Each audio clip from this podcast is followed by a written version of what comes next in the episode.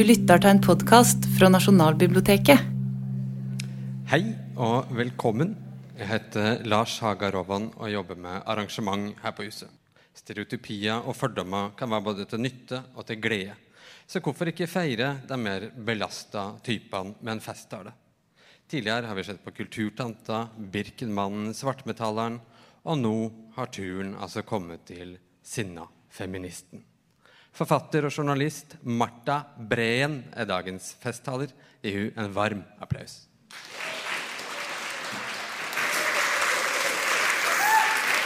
Tusen takk. Tusen takk. Jeg ser at det er eh, flest damer i salen, og det er jo utrolig typisk. Menn driter fullstendig i alt som har med oss eh, kvinner å gjøre. Særlig hvis temaet er kjønn eller likestilling. Da holder menn seg langt borte. Foredrag av en kvinne på en lørdag. Hm, det gidder jeg bare ikke. Tenker nok han å velge fotball og guttastemning i stedet. Sinna-feministen. Dere har sikkert møtt henne før. Hun er rasende på patriarkatet. Og patriarkatet det gjennomsyrer som kjent hele samfunnet vårt. På 1970-tallet var hun kjent for å brenne bh-en, hun hadde gjerne kortklipt hår, flate sko, og hun ville ikke ha funnet på å røre en barberhøvel. Så der grodde det friskt på legger og overlepper. Men i dag kommer sinte feminister i litt flere varianter. Du kan gjerne pynte deg, bare du ikke gjør det for en mann. Sinna-feministen er ofte medlem i foreninger som Ottar eller Kvinnefronten. Eh, hun elsker å gå i demonstrasjonstog og rope slagord, gjerne med ropert. Hun teller antall kvinner og menn på TV-skjermen og i avisa hver eneste dag, og alltid er det for mange menn. Dersom du forsøker deg på en liten vits om eh, kvinner, eksempel, så tenner hun på alle plugger. Men selv så kan hun gjerne lire av seg noen grove vitser om menn og deres neandertalske natur. En kvinne trenger en mann slik en gullfisk trenger en sykkel. Det husker jeg var en veldig populær eh, vits når jeg var liten. Hvis du ikke kjenner en sinnafeminist sinna-feminist personlig, så har du kanskje sett henne på TV. I eh, komiserien Parterapi, f.eks. Der spiller eh, Kevin Vågnes en av dem. Ellen heter hun. Med kortklipt hår, briller, olajakke så går hun i terapi med ektemannen Anders. Men det er ikke så mye han får sagt i disse seansene, for Ellen benytter enhver anledning til å slå ned på det hun mener er åpenbar mannssjåvinisme ofte handler det om ordvalg. Eh, F.eks. når han sier ja, ja, men det er jo sånn det er når man er i et forhold. Når mann er i et forhold, ja, avbryter hun. For der avslørte han seg jo. Ordet 'mann' betyr at han ikke engang regner henne som en del av forholdet. Eller når han forteller at han eh, tok henne med på restaurant og blir avbrutt igjen. Han tok meg med. Ja, mannen tok meg med. En kvinne har jo ingen egen evne eller vilje til å forflytte seg. Hun må tas med og plasseres på en stol der hun kan sitte og se deilig ut. Og så videre. Fantastisk figur, denne Ellen.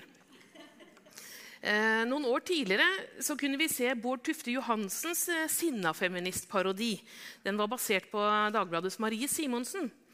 Eh, Harald Eia fulgte henne gjennom en arbeidsdag i avisa og den konstant kjederøykende og knurrende Simonsen begynte hver dag med å bla seg gjennom avisene og eh, finne noe å være sint på. Og så deretter tvitre om dette fra dass. Eh, og hun forteller oss at Dagbladets slagord er 'sure meninger'. Hvorpå hun da blir korrigert av en kollega som sier Marie, det er faktisk sterke meninger. Ja, ja, samme det, knurrer Marie. Den første kjente sinnafeministen i norsk historie. Hun vokste opp bare noen få meter fra her vi befinner oss nå, på Nasjonalbiblioteket, nemlig på, i Observatoriet på Solli plass. Åsta Hansten het hun. Åsta eh, gikk omkring i Kristianias gater med en paraply i hånda. Og Den brukte hun til å slå etter gutter og menn som hun møtte på sin vei. 'Bavianer', ropte hun. Hun mislikte menn rett og slett, og mente de var brutale beist. Ingen uvitenhet er så dyp som mannens uvitenhet om kvinnen, sa Åsta Hansten. Hun var spesielt opptatt av eh, dette her at samtidas menn eh, var, eh, mente at kvinnens eneste mål og mening i livet skulle være ham. Hans liv og hans karriere og hans velvære, hans behov, ham, ham, ham. Og I et av sine foredrag sa hun La mannen gi opp den umenneskelige ideen om at kvinnen kun skal være til for ham. La henne være fri. La henne være selvstendig. La henne arbeide og betal hennes arbeid når hun gjør det like godt som en mann. Så selv om Åsta ble avskrevet som mannevond og eksentrisk, så hadde hun altså et poeng eller to. Det var ikke lett eh, å være kvinne på 1870-tallet. Eh, ikke minst for for da personlig. Her ser vi henne eh, som 20-åring i et av de aller første bilder, eh, kjente bilder malt av en kvinnelig kunstner i Norge selvportrett. Mm. Åsta hadde blitt mobba av menn siden barndommen.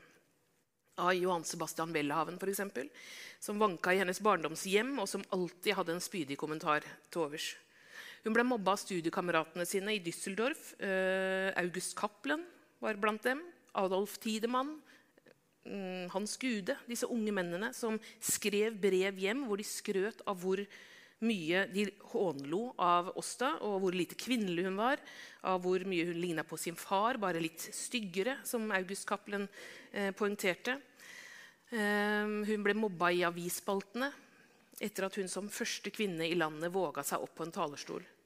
Mange av de frammøtte i salen hadde kommet bare for å le og for å kaste papirkuler på henne. Og Grunnen til at hun måtte ha med seg denne paraplyen, var jo at guttegjenger fulgte etter henne på gata og spente bein. Så eh, det var mange grunner til å være sint for landets første kvinnesaksaktivist. På den tida vokste kvinner opp som sin fars eiendom. Helt til du ble gift, hvorpå du da ble overlevert til din ektemann ved alteret eh, og måtte love å være ham underdanig. Hvis du valgte deg bort fra dette livet for heller å leve alene, for å fordype deg i kunst eller litteratur eller politikk, da ble du latterliggjort og stempla som blåstrømpe, som det het den gangen. Eller feminazi, som det heter i dag. Som eh, feminist i offentligheten så har jeg fått min eh, andel fordomsfulle eh, spørsmål og feminazi-beskyldninger. Enten det har vært i sosiale medier eller fra fremmede menn i kantina. Det meste preller av. Eh, men enkelte kommentarer huskes lenger, enten fordi de var sårende eller skremmende, kanskje, eller bare litt latterlige. Sånn som for Da en fyr ved navn Kjell tok kontakt med meg på min gamle blogg og skrev Umulig å støtte dere feminister før dere i det minste er ærlige om at dere hater menn. måtte jeg faktisk smile litt. For Problemet hans med feminister er altså ikke eh, vårt mannshat, men det faktum at vi ikke innrømmer det. Hvis vi innrømmer det, så kan han vurdere å støtte oss. Er det ikke det? hmm. Så lenge det har eh, eksistert feminister, så har det også eksistert motstandere som har forsøkt å gjøre F-ordet belasta. Eh, den første generasjonen kvinnesakskvinner, altså damene som kjempa for stemmeretten på begynnelsen av 1900-tallet, de ble raskt stempla som frigide kjerringer med knute i nakken. Og da 1970-åras feminister kom på banen mange år seinere, var de naturlig nok opptatt av å ta avstand fra det bildet. Så de kalte seg for nyfeminister. De ville være noe nytt og friskt. Men det tok som dere vet, ikke så lang tid før også disse damene ble eh, stempla og avskrevet da, som sinte og hårete. Mytene har overlevd helt til min generasjon, så derfor må unge kvinner som engasjerer seg, fremdeles begynne sine setninger med 'Jeg er ikke mannshater, altså, men, eller 'Jeg er ikke en sånn Ottar-feminist, altså, men likestilling det vil jeg gjerne ha'. For å bli tatt på alvor er vi blitt tvunget til å ta avstand fra våre formødre og fra de kvinnene som har kjempa på våre vegne. Tidligere har jeg også brukt en del krefter på dette og motsi beskyldninger om mannshat eller sinne. Og det var viktig for meg lenge å vise omverdenen at jeg ikke er den grinete, gretne dama de ser for seg da, i sitt indre. Ehm, vi er mange som har forsøkt å gjøre feminismen mer spiselig for skeptikerne ved å kanskje avdramatisere budskapet. Eh, insistere på at feminisme er gøy. Feminisme er for alle. Bli med, vi er blide. Men innerst inne så vet vi jo at det er tull. Feminismen er ikke en snill og ufarlig kraft i samfunnet. Det er snarere en eh, samling temmelig radikale ideer. Det er en bevegelse som ønsker å forandre samfunnet på dypet. Dersom kravet om full likestilling mellom kvinner og menn skal gjennomføres, så vil det snu opp ned på temmelig mye i dette, denne verden. her. Et sånt samfunn har aldri eksistert. Ja. Dessuten er vi jo sinte. Uh, selvfølgelig er vi det. Sinne er en uhyre viktig motivasjon og kraft i de fleste politiske bevegelser, og kanskje feminismen spesielt. Det aller første møtet i kvinnebevegelsens historie kom faktisk i stand fordi en gruppe kvinner ble skikkelig forbanna. Uh, dette var uh, amerikanske damer som var engasjert i antislaveribevegelsen. Og I 1840 reiste de til England for å delta på en kongress om det temaet. Da de kom fram, så ble de imidlertid dårlig stemning umiddelbart. For de konservative engelskmennene de ante ikke at det var kvinner med i den amerikanske delegasjonen. De hadde aldri sett kvinner på et politisk møte og langt mindre på en talerstol. Så de eh, syntes det var upassende og bestemte at damene måtte gjemme seg bak et forheng som ble satt opp i rommet, og sitte der og være tause uten å bli sett. da. De amerikanske damene ble rasende over å måtte gjemme seg. Og to av dem Elizabeth Cady Stanton og Lucretia Mott de brukte dette raseriet til å forfatte en erklæring om kvinners rettigheter. Og Den ble lagt fram under et møte i byen Seneca Falls noen år seinere. Det er da altså det møtet som regnes som det første organiserte møtet i kvinnebevegelsen. Da begynte ballen å rulle. Jeg nevnte dette at Ottardame er blitt et uh, slags skjellsord i Norge. Også blant profilerte feminister og blant uh, mange menn på venstresida har jeg møtt og merka meg, så er det vanlig at man tar høylytt avstand fra uh, kvinnegruppa Ottar og lignende aktivistiske bevegelser. Dette har fått meg til å undre meg litt over nøyaktig hva det er som provoserer så voldsomt. Når det gjelder det tematiske, så er disse aktivistene i stor grad engasjert i seksualpolitikk. De vil ha selvbestemt abort. De vil kriminalisere halliker og prostitusjonskunder. De vil begrense barn og unges tilgang på grov porno. Og eh, de vil ikke at servitørene skal være toppløse når du kommer inn på en bar.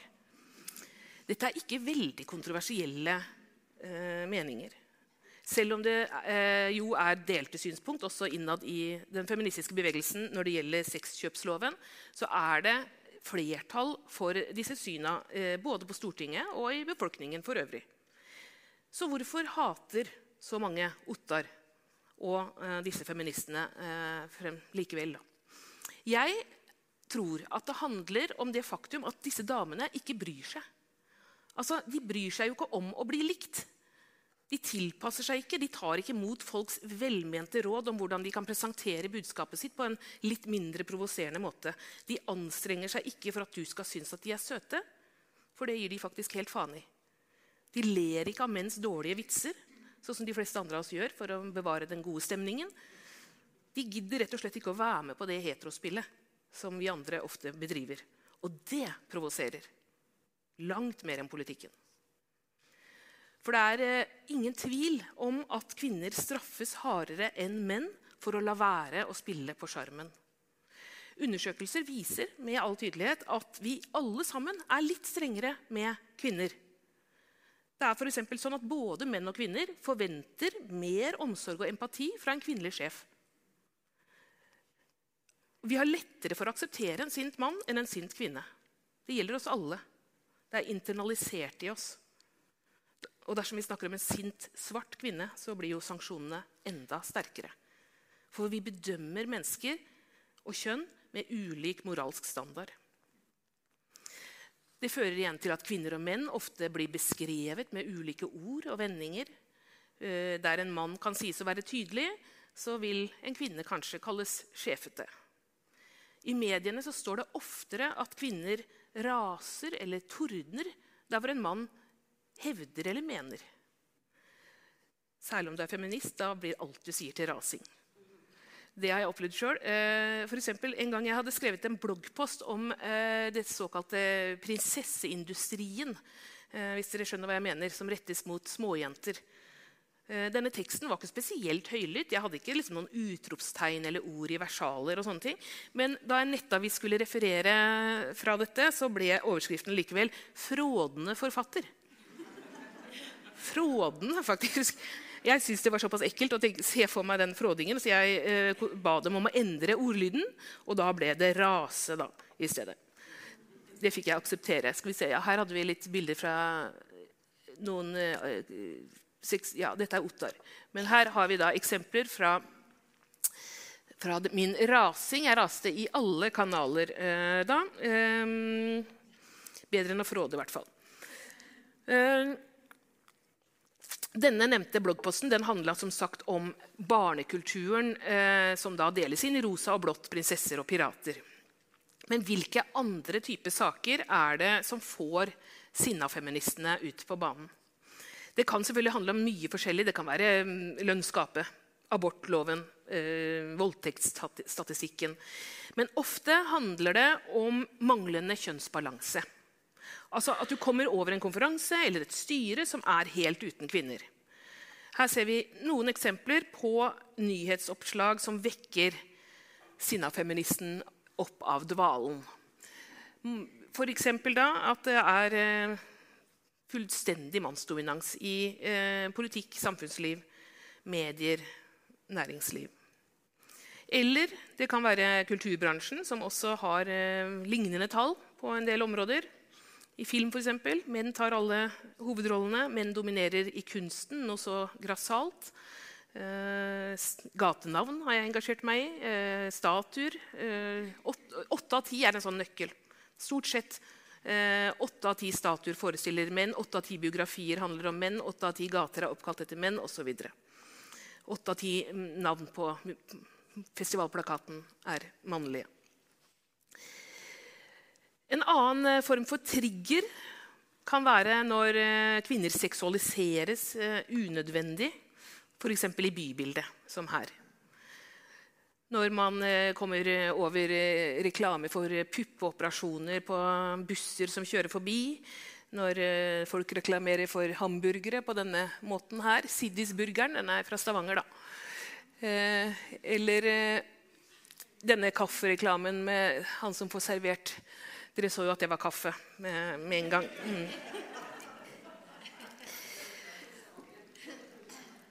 Og hva gjør feministene da når de eh, kjenner sevja stige mot toppen? Kanskje skriver man noen ord på Facebook og letter på trykket der. det er det mange som gjør. Kanskje skriver man et leserinnlegg eller en hel kronikk, eh, mens noen da inviteres til å rase på Dagsnytt 18. Etter at Sinnafeministen har sagt sitt, så er tiden kommet for respons fra publikum. Og det er stort sett menn som melder seg på her. Eh, som da vil komme ta kontakt med feministen til, for å gi sin konstruktive tilbakemelding. Det går eh, ofte ikke så mye på det hun har sagt, eller på tema, men eh, kanskje på hva, hvordan hun ser ut, eller hva han har lyst til å gjøre med henne. Eh, her har vi noen eksempler igjen. Dette er fra min innboks eh, også. Eh, jeg leser stort sett alle tilbakemeldingene jeg får, og har derfor funnet ut at disse innskriverne kan gjerne deles inn i tre ulike kategorier. Den første gruppa er menn som ønsker å fortelle at de kan tenke seg å knulle deg, og så gjerne da poengtere nøyaktig hvor hardt det skal foregå. Den andre gruppa består av de som ønsker å fortelle at de ikke vil knulle deg, og da gjerne med tilleggsinformasjon om årsaken til det. Det dreier seg gjerne om at man er feit eller ekkel. Og så har du den gjengen som ønsker å formidle sin overraskelse over at noen andre orker å knulle deg. Utrolig at du har klart å skaffe deg en mann. Eh, stakkars fyr, osv. Ja um, Litt sånn sosiologi på privaten og dette her. Eh, det fantes jo ikke sosiale medier da Åsta Hansten levde. Eh, men trakasseringen den nådde fram til henne likevel. Eh, aviser som Aftenposten og Verdens Gang de trykte stygge karikaturtegninger. vanlig. Det harselerte med utseendet hennes, også i lederspalter. Det var veldig typisk for tida. Flere andre kvinnesakskvinner opplevde det samme. Maleren Kitty Kielland eksempel, hun ble stadig referert til i offentligheten som eh, maskulin og eh, lite tiltrekkende. Åsta fantaserte iblant om å hevne seg på mannssamfunnet. Og at hun hadde en fascinasjon for kvinner på hevntokt, det kom eh, fram i hennes valg av motiver i maleriene. Her ser vi henne i eh, Jenny Jordals strek eh, fra vår kommende tegneserie om Åsta Hansten. Hun er i ferd med å fullføre maleriet sitt 'Jael som dreper Sisera'. Det er en bibelscene der slavekvinnen Jael eh, hevner seg på fiendens hærfører ved å slå en teltplugg gjennom hodet hans. Åsta sa selv jo mer håpløst man føler undertrykkelsen, jo større nytelse er det å gå fram like imot maktuhyret, slå det midt i ansiktet og si 'Nå er din tid forbi. Nå er din makt over'. En eh, annen eh, maler som beskjeftiga seg med lignende bibelscener, var italienske Artemisia Gentileschi. Hun eh, står både bak dagens eh, brutale plakat for dette arrangementet og dette berømte verket her, som da begge forestiller den jødiske heltinnen Judith, som skjærer hodet av generalen Holofernes. Artemisia Gentileschi hadde selv gode grunner til å være sint på patriarkatet. Hun levde jo på, på 1600-tallet. Da var det mye kvinner ikke fikk lov til, eh, bl.a. å studere kunst på akademiet. Så hun gikk først i lære hos sin far. Og Deretter så skaffa faren henne en elevplass hos sin kunstnervenn Agostini Tassi. Han var dessverre en drittsekk og voldtok henne da hun var 19 år gammel. Det resulterte i en flere måneders lang rettssak. og Underveis i denne ble Artemisia ikke bare anklaga for promiskuitet, men også utsatt for eh, gynekologiske undersøkelser og tortur med tommeskruer under sitt vitnemål, fordi dette da skulle bevise at hun snakka sant. Tassi ble til slutt dømt for ett års voldtekt. Og det var under denne turbulente tida at Gentileschi malte Eh, disse bildene. Som så mange andre kvinnelige kunstnere ble hun snart glemt. Men eh, da feministiske kunsthistorikere kom på banen på 1970-tallet, ble hun endelig løfta fram igjen. Men riktignok ikke helt uten protester. Det var en del mannlige kunsthistorikere som insisterte lenge på at det var faren hennes som hadde malt disse bildene. Selv om de var signert med hennes navn. Men det ble senere motbevist. I en undersøkelse gjennomført av BBC for noen måneder siden eh, så kom det fram at eh, verdens kvinner blir sintere. Stadig sintere. Kanalen sammenligna svarene fra 120 000 respondenter og viste da at eh, var blitt, kvinner var blitt sintere det siste tiåret, og så hadde det økt ekstra under pandemien. Og kanskje ikke så rart, Vi fikk tidlig rapporter om at den krisa gikk utover likestillingen i hjemmene. Og veldig mange kvinner ble oppmerksomme på det vi i dag kaller det tredje skiftet. Med det som menes selve organiseringen av familielivet. Prosjektledelsen. Planleggingen av ferier, av gaver, av måltider, av hva som må kjøpes, hva som må vaskes, hva som må kastes, det er en konstant kvern som går på innsida av veldig mange kvinners hoder. Husk at Maja må ha nye innesko på SFO. og Hvilken størrelse bruker hun egentlig nå? Mm. Ullundertøy det må vi ha, det blir minusgrader. Har vi kostyme til det karnevalet? egentlig? Den kaka ja, den må, vi, den må være glutenfri. Har vi solkrem? Ja, Osv. Dette er et usynlig omsorgsarbeid som pågår absolutt hele tida.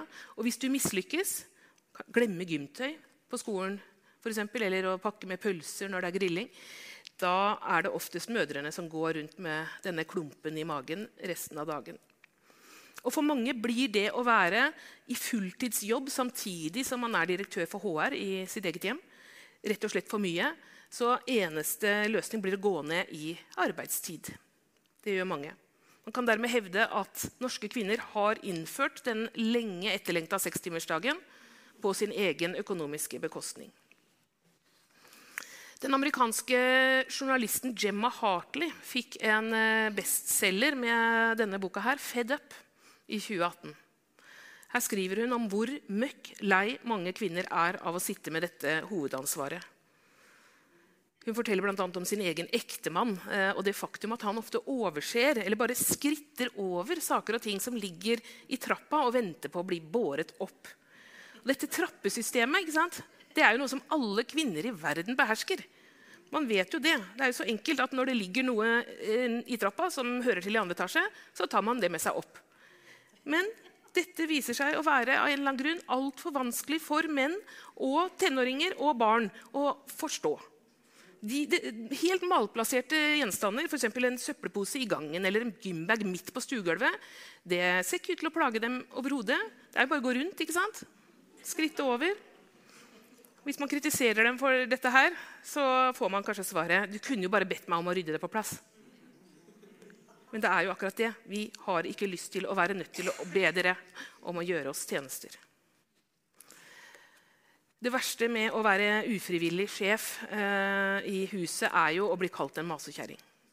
Så Derfor er mange av oss opptatt av å tenke på tonen når vi delegerer, stemmeleie, sånn at det ikke blir oppfatta som masing. Men Gemma Hartley her, hun eh, minner oss på at det ikke nødvendigvis er oss det er noe galt med. Når noen kaller deg en masekjerring, betyr det at de ikke hørte etter den første gangen du ba dem om å gjøre noe. Det sier mer om deres manglende vilje til å ta sin del av jobben enn om din måte å kommunisere på. Det er jo greit å ha med seg når man får disse beskyldningene.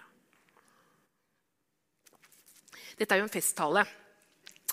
Og jeg syns det er eh, godt å tenke på at også Åste Hansten fikk sine festtaler til slutt. Hun eh, tilbrakte jo ni år i USA på flukt fra den fiendtlige atmosfæren her hjemme, men kom tilbake da til et helt nytt Norge.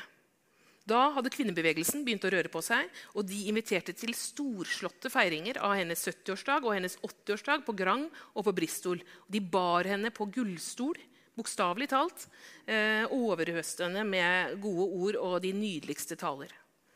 Bl.a. Eh, den markante kvinnesaksforkjemperen Fredrikke Marie Kvam, som sa hvis ikke Åsta Hansten hadde utsendt det forbitrelsens skrik, hvor hadde vi da stått nå? Og det vil jeg gjerne stemme i. Hvor hadde vi stått dersom ikke Åsta, Fredrikke, Katti, Camilla hadde turt å gjøre seg upopulære den gangen? Og hvor hadde vi stått hvis ikke 1970-åras damer hadde organisert seg og ropt opp om diskrimineringa? For sinne det er en sterk motivasjon. Det er selve bensinen som setter motoren i gang og får ting til å skje. Skape forandringer. Det ser vi hele tida. Forhåpentligvis vil sinte kvinner i Iran klare å velte prestestyret der nede. I stedet for å spre fordommer om dem som har kjempa før oss, burde vi være fylt med takknemlighet. Den norske likestillingen har som kjent ikke kommet gratis. Våre formødre har kjempa fram hver millimeter, og ofte med store personlige omkostninger. I boka 'Rage Becomes Her' tar en amerikansk forfatter ved navn Soroya Shemali et oppgjør med det faktum at temperament blir sett på som ufeminint. For sin, fordi sinne da regnes som noe maskulint, så er jo kvinner og jenter gjennom generasjoner blitt opplært til å undertrykke sitt sinne. På den måten så blir vi fremmedgjort fra den følelsen som best beskytter oss mot urettferdighet. For er det ikke sånn? Sinne blir gjerne sett på som en, bare som en negativ følelse, men vel så ofte så kan vi se på det som en reaksjon. En følelse som advarer oss om at vi opplever urett. Det å lære mennesker å undertrykke sinne kan være det samme som å lære dem å leve i undertrykkelse. Men det er klart, du blir jo mer populær hvis du smiler. Det er en grunn til at det fins et begrep som heter 'resting bitch face'. Det er det man kaller en kvinne som ikke utstråler varme og vennlighet til enhver tid. Smil litt, da. Det kan en kvinne iblant uh, få høre hvis hun ser alvorlig ut. Vær litt blid. Ja. Jeg har aldri hørt en kvinne kreve å få et smil av en fremmed mann. Men når du er aleine, så blir det jo ikke så mye smiling. Eh, jeg drar noen ganger på hytta helt aleine for eh, Fordi det er deilig Og man, å føle seg avslappa og ikke måtte forholde seg til andre. Ikke måtte eh, bruke ansiktsmimikken til å få andre til å føle seg lyttet til eller eh, vise empati eller flørte med eller le høflig. Man kan bare vandre omkring med sitt resting bitch face og, og slappe av. Og når du slutter å anstrenge deg for å framstå sympatisk, så kan det jo hende at noen andre følelser presser seg fram etter hvert. Som irritasjon og sinne. Som f.eks. når jeg sitter der med en bunke biografier over mine skrivende formødre og leser om hvordan de ble behandla i sin samtid. Da kan jeg kjenne at det begynner å koke på innsida. Det har slått meg at vi i langt større grad aksepterer at andre undertrykte grupper bærer med seg et sinne over historien, enn at vi kvinner gjør det. Det forventes at kvinner har gjort seg ferdig med det. Det eh, faktum at den litterære kanoen er helt full av kvinneforakt, det er bare noe vi må ikke bør henge oss for mye opp i. da. At pensum flyter over av kvinneforaktende menn, det må vi bare akseptere. For det var jo bare menn av sin tid mens kvinnehat blir behandla som en kuriositet, som et svakt personlighetstrekk, kanskje, men ikke noe vi bør la overskygge resten av hans eh, store ideer og kunstnerskap. Samtidig, eh, denne eh, kvinneforakten er jo ofte blitt båret fram av filosofer og humanister som burde ha visst bedre. Altså, det er jo menn som har vært opptatt av menneskets rett til frihet og rettferdighet, og som har løfta fram likeverd og demokrati, men altså bare for menn. Skal vi bare slå en strek over det? Det klarer jeg ikke. Jeg blir eh, forbanna. Rett og slett. Jeg blir forbanna på den franske dikteren Charles Baudelaire, som hevda at eh, kvinnen er like enfoldig som dyrene. Jeg gidder ikke lese noe som helst av beatforfatteren William Burroughs. Ikke bare skøyt han kona si i en mislykka drikkelek. Han uttalte også at kvinnen er en evolusjonsfeil som burde elimineres. Skal jeg overse det og heller lese noe av det andre han skrev? Skal jeg tilgi Strindberg, Nietzsche og Kant? Aristoteles? Rousseau? Nei, det fortjener de ikke. Jeg tilgir heller ikke den møkka som mannlige kritikere har prestert å skrive om kvinnelige kunstnere opp gjennom tidene. Faen ta dere. Georg Brandes, Jappe Nilsen, André Bjerke og Arne Hestnes. Jeg er forbanna på mannlige historikere og biografiforfattere som behandler kvinner som uviktige bifigurer. Kanskje tilgodeser dere henne med et par avsnitt i mursteinsboka om mannen. Hvorfor har dere ikke vært mer nysgjerrig på kvinnen? Jeg forstår det ikke. Men stort sett så biter vi det i oss. For dersom vi blir sinte, kommer dere til å avskrive oss. Da blir vi utdefinert. På baksiden av min egen bok 'Født feminist' så står det en eh, setning som eh, irriterer vettet av meg. Marta Breen holder den feministiske fanen høyt uten å miste humøret av den grunn. Jeg burde selvsagt aldri ha latt dem bli stående. Dette var et forsøk fra forlagets side på å ikke skremme bort potensielle lesere. For hvem vil vel lese noe som er skrevet av en sur feminist? Allerede i 1970-åra forsøkte noen seg på den strategien. Den aller første nyfeministiske gruppa i Norge kalte seg nemlig Bli, men beinhard. Så selv beinharde 70-tallsfeminister følte behov for å presisere at de egentlig var blide. 40 år senere mener noen at likestillingen har gått for langt. Da tenker jeg i mitt stille sinn at de burde prise seg lykkelige over at vi kun er ute etter likestilling og ikke hevn. Takk.